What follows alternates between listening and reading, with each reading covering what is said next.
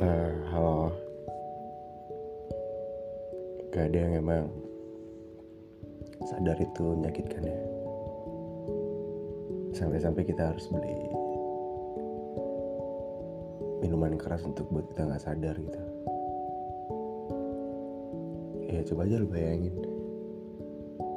Kita udah nemenin dia dari awal. Malah dia lebih milih orang baru yang taunya dia udah jadi gitu dan kita sadar bahwa sadar itu menyakitkan. Jadi kita kayak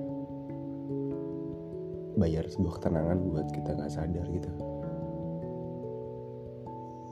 Anyway people come and go.